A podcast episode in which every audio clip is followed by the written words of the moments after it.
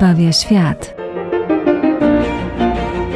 Zapraszamy Państwa na audycję o dziełach sztuki, które mają wartość uświęcającą. I artystach, którzy poprzez swoją twórczość ukazywali swoją więź z Bogiem. Audycja Piękno zbawia świat. Radio Jasna Góra. Zapraszamy.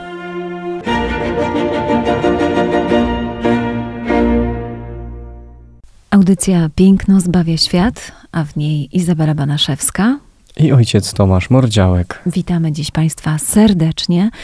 A z racji uroczystości, którą przeżywaliśmy kilka dni temu, mowa oczywiście o uroczystości Bożego Ciała. E, będziemy dziś mówić o malarstwie polskim, a obrazie o tematyce wyjątkowo eucharystycznej. Z nami w tym obrazie i tym przedstawieniu jest e, jeden z obrazów e, w naszym klasztorze z Wieruszowa, a mam na myśli i mówię tutaj o obrazie Jezusa Miłosiernego, bardziej znanego też nam jako Paulinom i również e, okolicznej społeczności, która jest przy tej parafii i sanktuarium Jezusa Pięciorańskiego. Jest to e, niezwykle e, piękny obraz. Ma przepiękne przedstawienie. Ja pamiętam jako e, kleryk, kiedy pierwszy raz go widziałem, byłem zachwycony tym, co nam ukazuje i, i przedstawia, jaką niesie ze sobą treść teologiczną. Ale o walorach estetycznych to tu zostawiam pole do popisu pani redaktor. Ja natomiast teologicznie będę się rozwijał. Ale może zacznijmy od tego, bo już rozmawialiśmy przed audycją, e, pięciorański, e, coś z tymi pięcioma ranami chyba jest nie tak.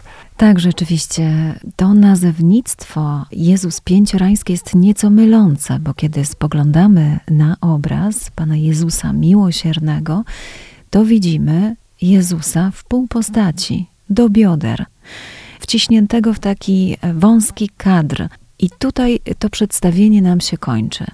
Więc e, jeżeli mamy postać Chrystusa do bioder, to wiemy o tym, że możemy mieć te rany Chrystusa. Wiadomo, pięć ran cierpiał Pan. Wszyscy z nas to wiedzą, e, że ranami od ukrzyżowania są rany na obu rękach, obu nogach i rana w przebitym boku Chrystusa. Tutaj mamy oczywiście zachowane te rany na rękach, na dłoniach i przebity bok Jezusa.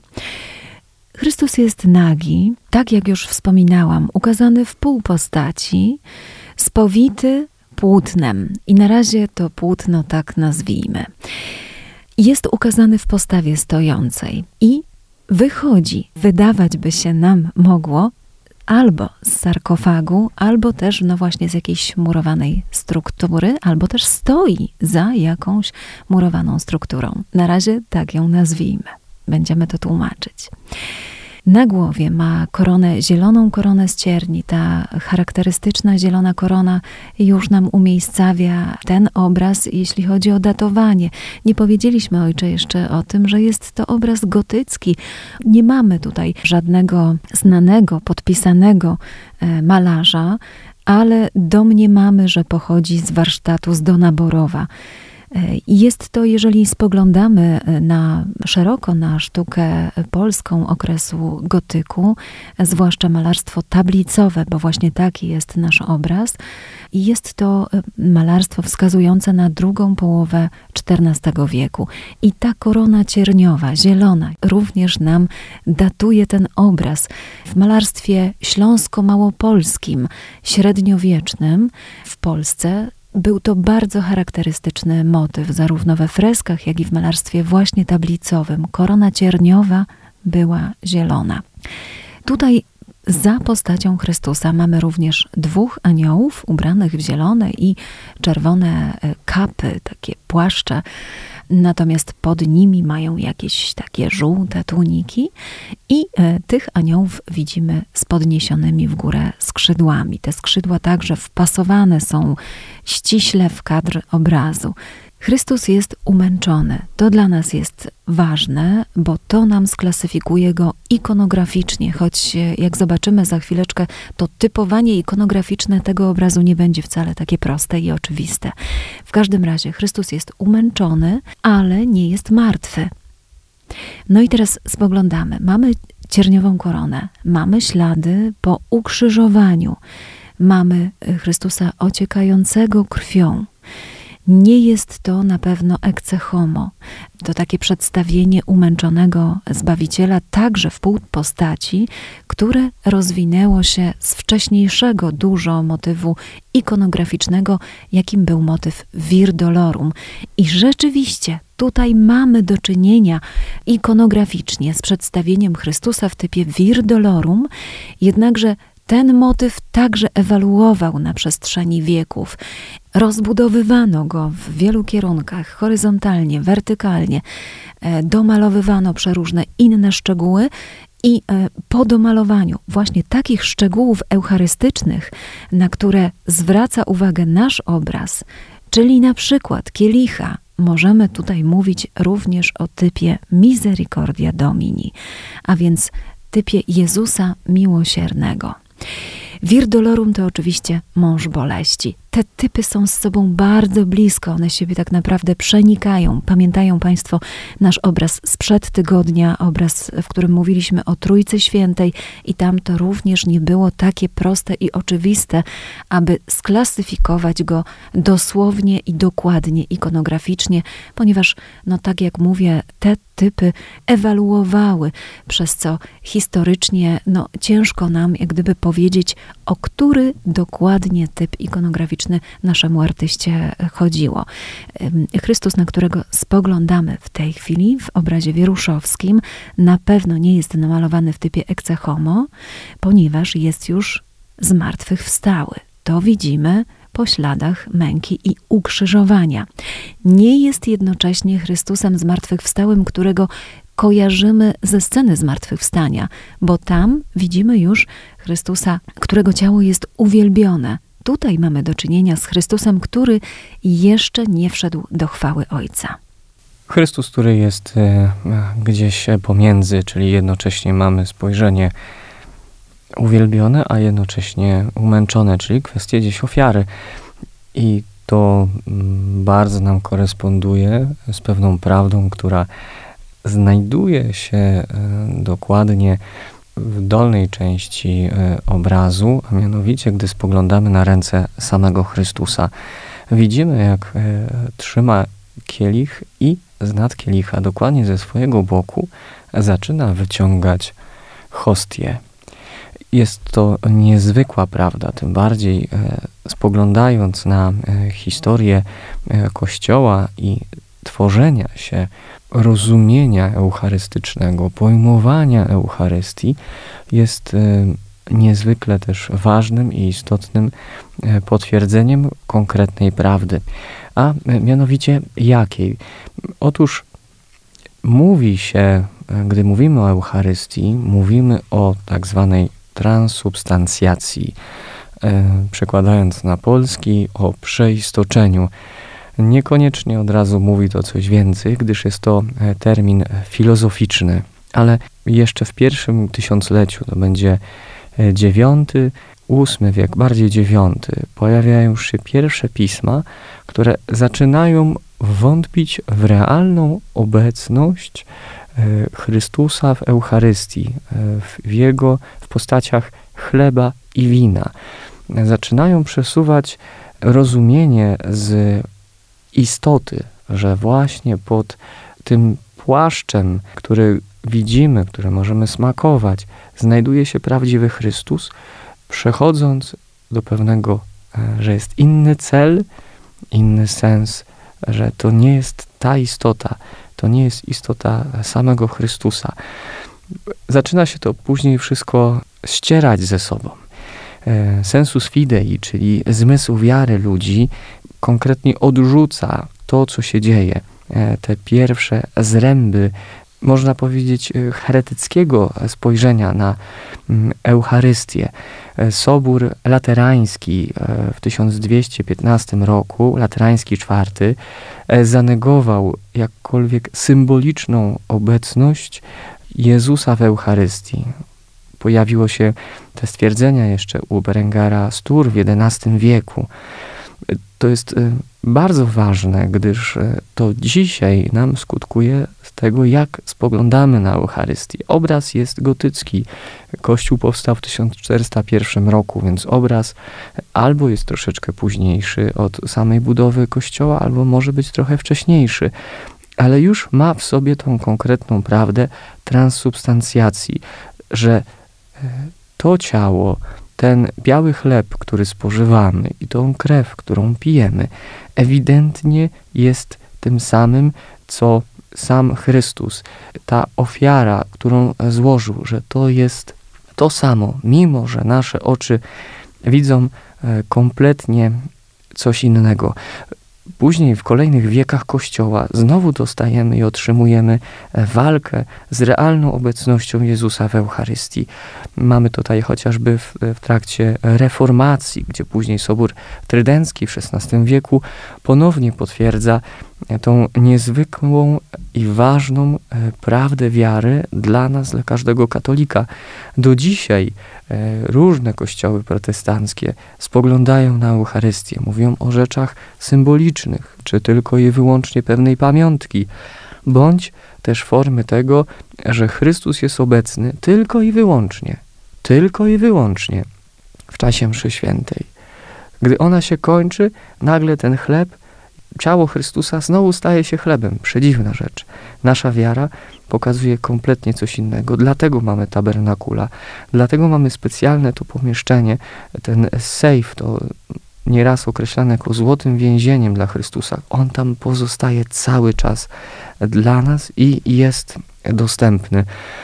A prawda przeistoczenia, że z istoty chleba pojawia się istota Zbawiciela, naszego Króla, Pana i Przyjaciela, e, że z istoty e, wina pojawia się istota krwi naszego Zbawiciela, to tak, w tym obrazie Jezusa Pięciorańskiego, Jezusa Miłosiernego da się zauważyć, da się wyciągnąć, a jednocześnie to była, myślę, prosta, ale bardzo klarowna katecheza e, dla wszystkich tych, którzy przychodzili do tego kościoła, aby e, przed tym obrazem, łaskami słynącym, e, modlić się i wypraszać potrzebne łaski.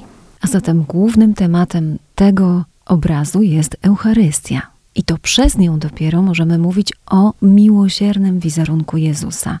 Skoro Eucharystia, to warto się zastanowić, jak tę Eucharystię e, na przestrzeni wieków przedstawiano tak naprawdę ikonografia Eucharystii pojawia się znacznie później niż teologia Eucharystii.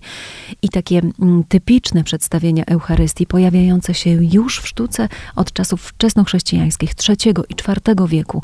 Ja może najpierw wymienię, a później powiem, które z nich pojawiły się dopiero w V.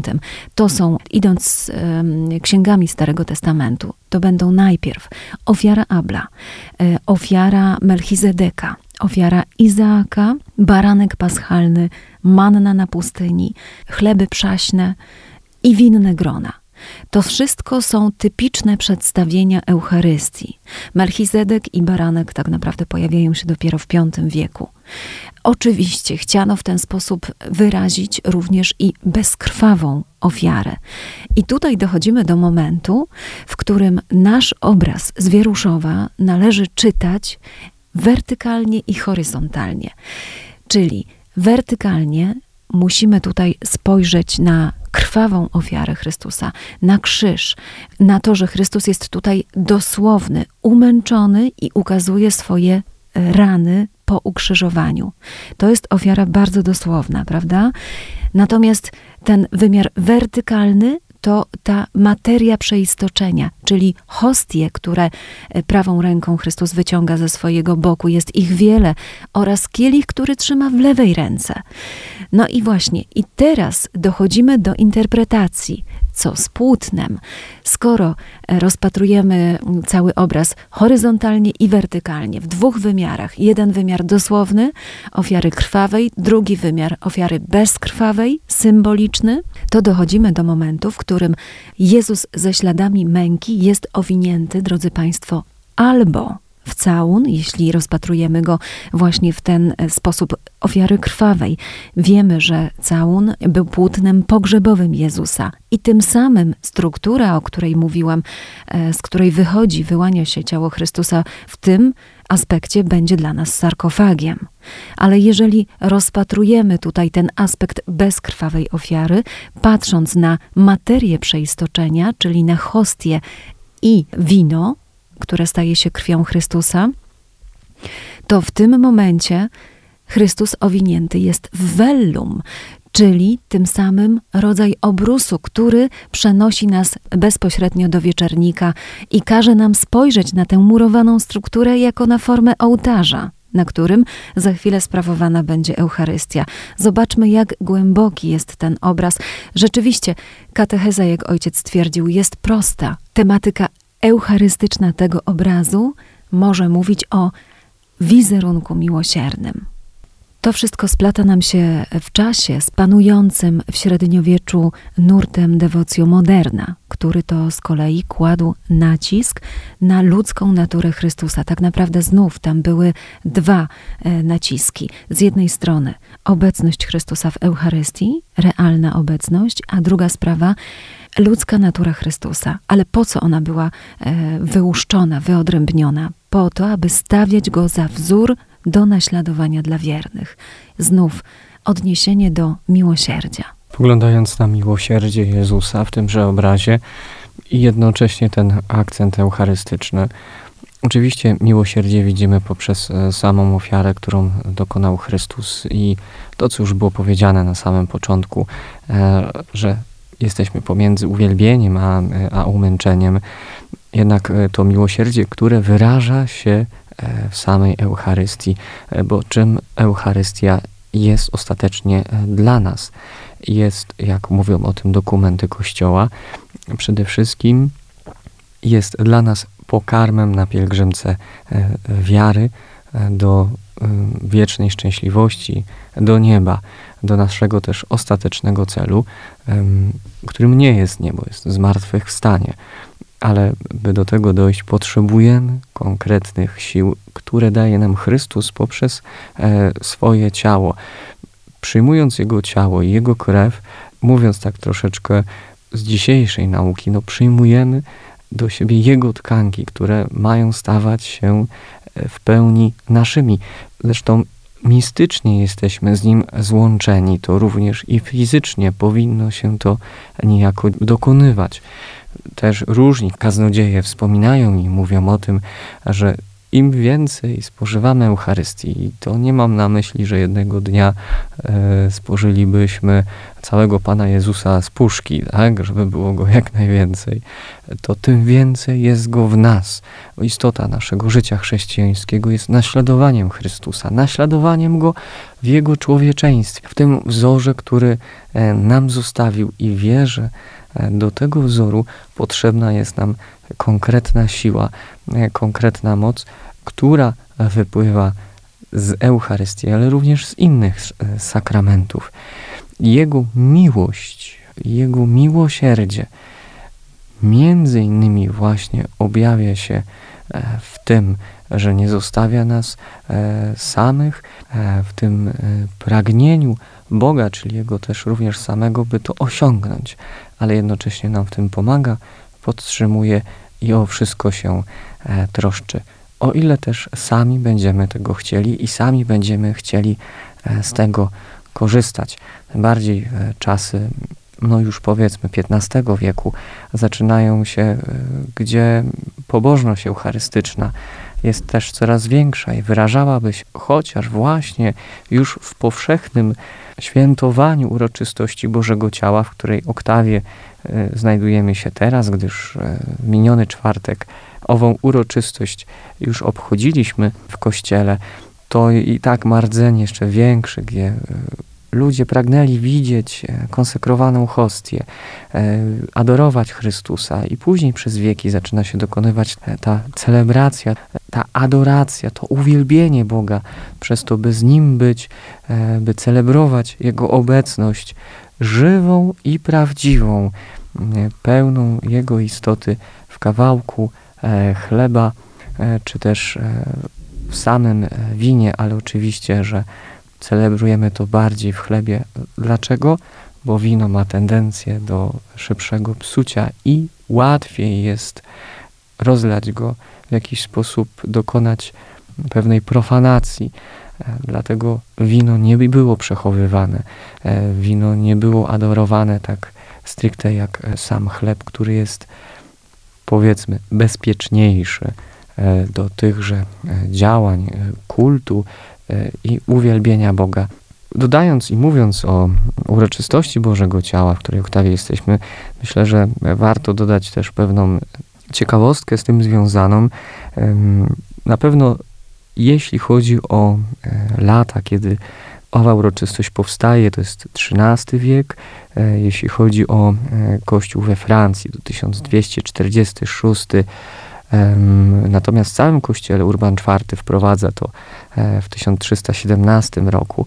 Kościół od razu nie wchodzi w to bardzo, bardzo ochoczo, w tą uroczystość, bo później przypomina się oto wspólnota Kościoła, by obchodzić ową uroczystość. W Polsce natomiast od 1320 roku w Krakowie została wprowadzona owa uroczystość. I z innych ciekawostek, 1 e, lipca do momentu reformy, którą zrobił papież Paweł VI, osobno obchodziliśmy uroczystość ciała Jezusa Chrystusa i osobno obchodziliśmy uroczystość krwi Chrystusa. Dlatego też dzisiaj zostają nam zręby e, te pobożnościowe i spojrzenia tego, że lipiec jest miesiącem krwi Chrystusa, gdyż rozpoczynał się uroczystością Najświętszej krwi Jezusa Chrystusa. Zostało nam to połączone, żeby nie oddzielać, bo w końcu mówimy o tym samym. E, w krwi znajduje się ciało, w ciele znajduje się krew, to jest jedno. No, dzisiaj też czasami możemy mówić e, i zastanawiać się nad tym, ale no, jeśli mamy mieć życie wieczne, Ewangelia mówi, że powinniśmy spożywać ciało i krew, a nie tylko ciało, ale już Kościół wcześniej zawyrokował, powiedział w objawieniu, konkretnie interpretując i rozważając objawienie, wprost powiedział, że wystarczy spożywać tą jedną postać. Niepotrzebne są akurat dwie. Jedna w drugiej są zawarte.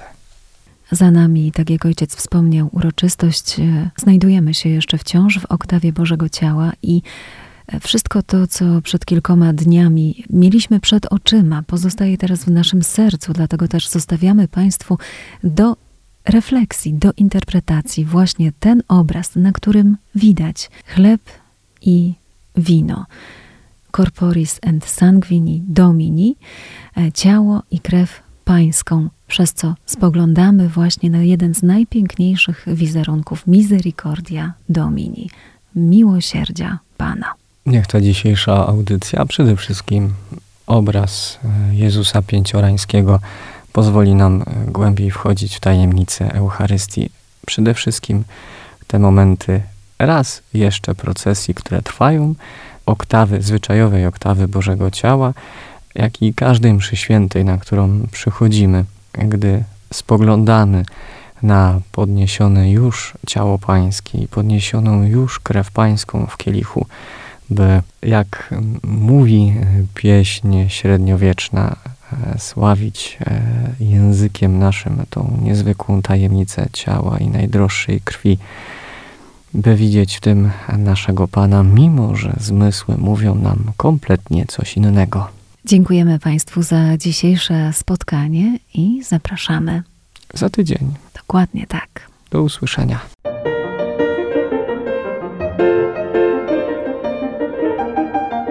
Piękno zbawia świat. Zapraszamy Państwa na audycje o dziełach sztuki, które mają wartość uświęcającą. I artystach, którzy poprzez swoją twórczość ukazywali swoją więź z Bogiem. Audycja Piękno zbawia świat, Radio Jasna Góra. Zapraszamy.